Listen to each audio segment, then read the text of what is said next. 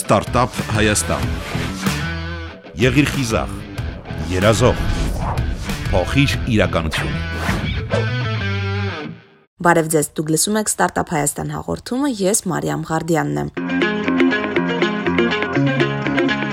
Երբևէ մտածել եք սեփական բիզնես ունենալու մասին։ Վստահ եմ, որ մտքից այրև գոնե մեկ անգամ անցկացրել եք։ Իսկ մտածել եք, թե ինչ դժվարությունների կբախվեք, ինչ խնդիրներ կառաջանան, ինչպես կլուծեք դրանք եւ ինչ ազդեցություն դրանք կունենան ձեր գործունեության վրա։ Ես ամեն օր գումար եմ ներդնում, դեռ ներդնում եմ։ Պատրաստ եք հանուն ձեր բիզնեսի տանել այս դժվարությունը։ Շատ, շատ, շատ եմ սիրում ճանապարհորդել թե Հայաստան, թե Հայաստանից դուրս, չեմ ճանապարհորդել ու այնքան մեծ կարոտ կա դուրս գնալու ու ամեն անգամ երբ տեսնում եմ Էժան Տոմսեր ինքնաթիռի, ասում եմ, լավ չէ, դու ժամանակ չունես սաթենիկ։ Ինչ ինչ ինքնաթիռ, ինչ ինչ թրեջք, ինչ ճանապարհորդություն։ Մի հատ բիզնեսը ոդքի կանգնացրու, հունի մեջ գցի, հետո դեռ Տոմսերը կառնես եւ կթռնես։ Իսկ սա կարող է չստացվի, կարող է ձախողվեմ, ու ստացվում է, որ ես այս 3-4 տարի ուղակի կկորցնեմ բայց չեմ կարծում որ կկորցնեմ, որովհետև սա մեծ դպրոց է, ամեն օր մի նոր բան եմ սովորում, այնքան բան եմ սովորել։ Իսկ այս մյուսը ոնց կտանեք։ Ասում են, այդ բանը սխալ ես անում, այօրինակ կարաս սենց մի բան անես, դա ավելի շահութաբեր է։ Ասում եմ, չէ, ես ուզում եմ իմ սկզբունքներից դեռևս չշեղվեմ։ Ինձ ասում են, դու երազող ես, պիտի շատ սովորես, շատ աշխատես, որ դառնաս գործարար։ Գործարար մտածելակերպը այլ է։ Բա այս մեկի մասին ինչ կասեք ինչ ես կոնֆետները սկսել եմ արտադրել, արդեն անձնական ու ոչ անձնական սահմանները ջնջվել են։ Առաջ ինձ ոչ մեկ սաթի չէր ասում։ Հիմա կոնֆետները իրենց անունը ինձ են տվել։ Ինձ թվում էր ես եմ իմ անունը տվել կոնֆետներից, բայց հակառակը հիմա զանգում են ինձ մարդիկ, ասում են Սաթի ջան, ասում եմ, հալիսում եմ, շատ հաճելի է իհարկե, բայց առաջ ինձ ոչ ոչ մեկ չէր ասում Սաթ, հիմա նու Սաթենիկա։ Այս օրերին Սուրբ Վալենտին են նշում կամ Սիրո տոնն են նշում։ Ես իմ անձնական կյանքը մի կողմ դրած կոնֆետ հետ եմ սարքում ու առաքում եմ անում։ Նույնը մարտի 8-ին։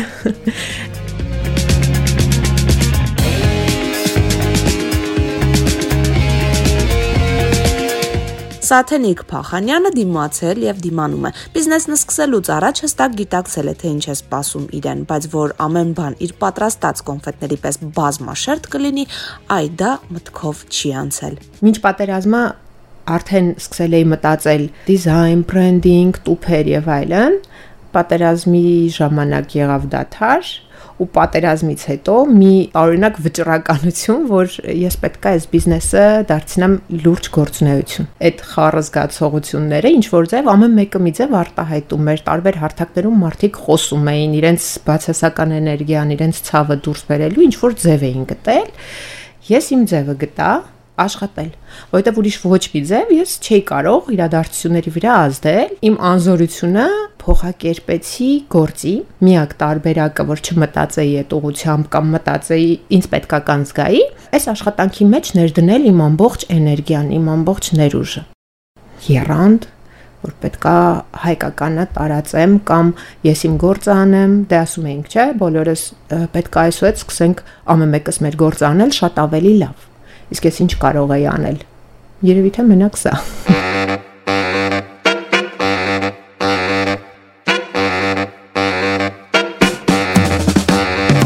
Սաթենիկի բիզնես ուղին պատահական բացվեց։ Ասում են, այն ամենն ինչ ճունես ինքդ է ստեղծում։ Այդպես էլ պատահել է։ Սաթենիկն անհրաժեշտությունից դրթված սկսում է կոնֆետներ պատրաստել, բայց դրանք սովորական չէին։ Առանց շաքարի էին եւ քաղցր։ Կոնֆետ երբևէ չէի պատրաստել, մինչև 3-4 տարի առաջ էր արդեն չեմ հիշում։ Բժիշկը նշանակեց խիստ դիետա։ Բուժման համար անհրաժեշտ էր հրաժարվել շաքարավազից։ Մինչ այդ ես մոլի քաղցրակեր էի ու միշտ ասում էի, որ երբեք քաղցր քաղցրից չեմ կարող հրաժարվել, ոնց կլինի առավոտյան սուրճ առանց մի կտոր քաղցրի։ Երբ բժիշկը ասաց, որ բուժվելու միակ տարբերակը քաղցրավենիքից հրաժարվելն է, գոնե մի ամիս, ինչ արած, չես կարող չի ենթարկվել, Միակ բանը, որ կարելի էր, չիր։ Չրի նկատմամբ անտարբեր եմ, վերցրեցի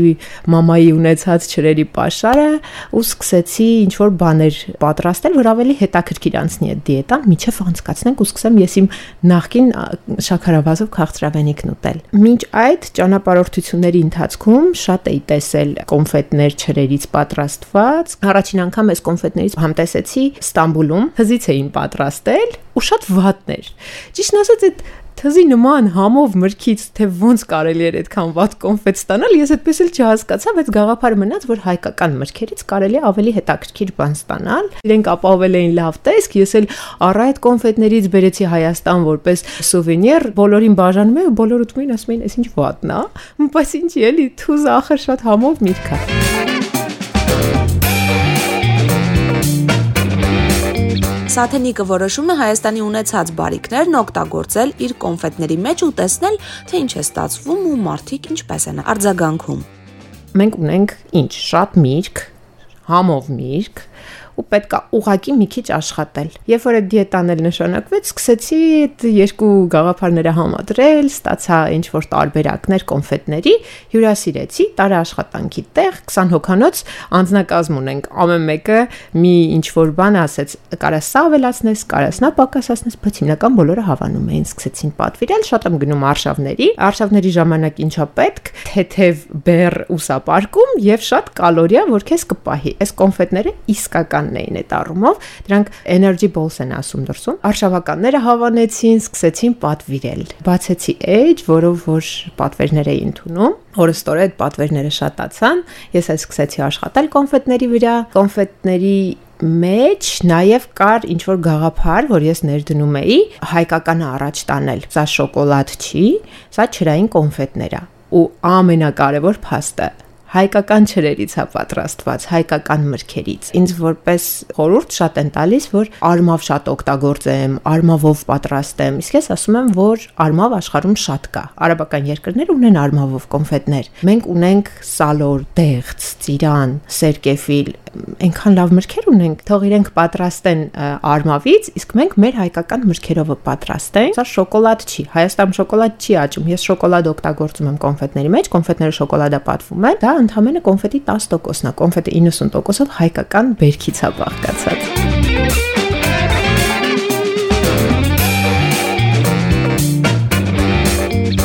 Սաթենիկը ժամերով պատրաստ է խոսել իր արտադրանքից, անգամ գաղտնիքներն է հեշտությամբ բացում, որովհետև համոզված է, ոչ բոլորը կհամարցակվեն այդքան խառը գործի մեջ ձեռքերը թաթախել։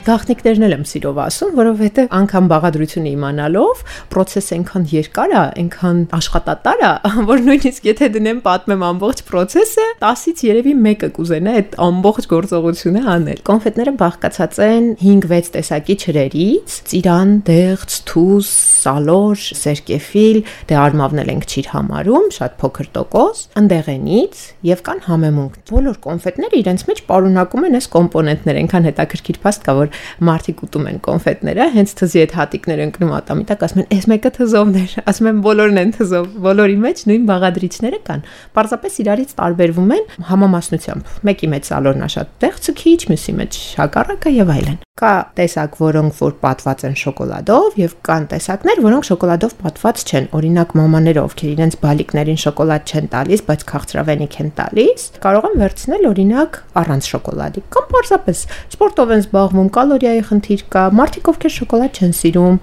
ունենում ենք եւ կաթնային տեսակ եւ դառը։ Ես միշտ ասում եմ, եթե դիետիկ ապա դառը շոկոլադ, կոնֆետները երբ որ սկսեցի արտադրել, շեշտը դնում էի առողջ կոմպոնենտի վրա, որ այս կոնֆետները առողջ են, շաքարավազ չկա, վեգան են, բուսակերային են, բայց բոլորը պատվիրելիս ասում էին, ինձ կաթնային խնդրում եմ, ասում եմ, դուք գիտեք որ կաթնայինի մեջ չնչին շաքար կա։ Հա ոչինչ, շաքարը խնդիր չի, ինձ կաթնային։ Ու ես հասկացա, որ մարդկանց այս կոնֆետների առողջ կոմպոնենտը ընդհանրապես չի է հետաքրքրում, վերցնում էին, հավանում էին, ելի էին պատվիրում։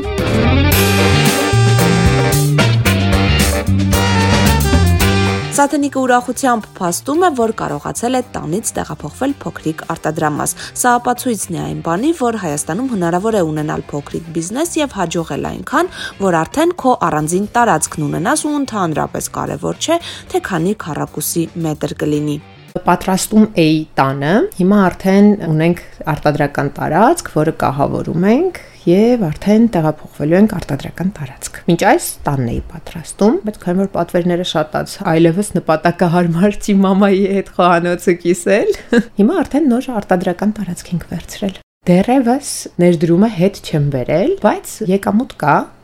այնքան որ ես կարողանում եմ նույնիսկ աշխատավարձ տալ երկարաժամկետ պլանների հաշվարկով լինելու է եկամուտ։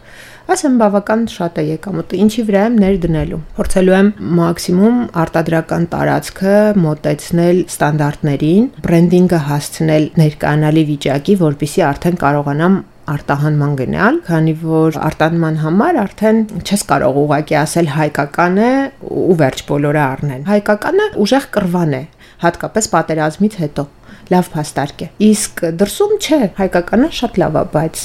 սրանից էլի կա։ Իմ թիմը դեռևս իմ ընտանիքն է։ Քույրս իրեն խնդրեցի աշխատանքից չխնդրեցի։ Մենք տենց որոշեցինք, որ ինքը իր աշխատանքը կթողնի, որովհետև կոնֆետները պահանջում են շատ ժամանակ, շատ աշխատատար են ու պետք է լինի մի հոգի, ով ամբողջ process-ը վերահսկի Առաջ ես դա կարողանում եի անել, իսկ հիմա ես ապահովում եմ հումքը, իսկ այնտեղ ձերքի աշխատանքը քույրս է անում, ինչեւ որ ես իմ աշխատանքից գամ ու միանամ իրեն։ Աշխատավարձ տալիս եմ քույրիկիս։ Հետագայում իհարկե ներգրավելու եմ ելի աշխատողներ։ Իմ աշխատողները լինելու են 50-նանց կանայք, հիմնականում հենց այս տարիքի կանայք են, որ դժվար են աշխատանք գտնում։ Այդ կանայք ավելի մեծ պատասխանատվությամբ իրենց աշխատանքը կանեն, հատկապես որ սա հենց իրենց հարմար աշխատանք է, քանի որ աշխատանքը թույլ է տալիս հաշմանդամների ներգրավել, սա էլ հետագայում իմ պլանների մեջ է։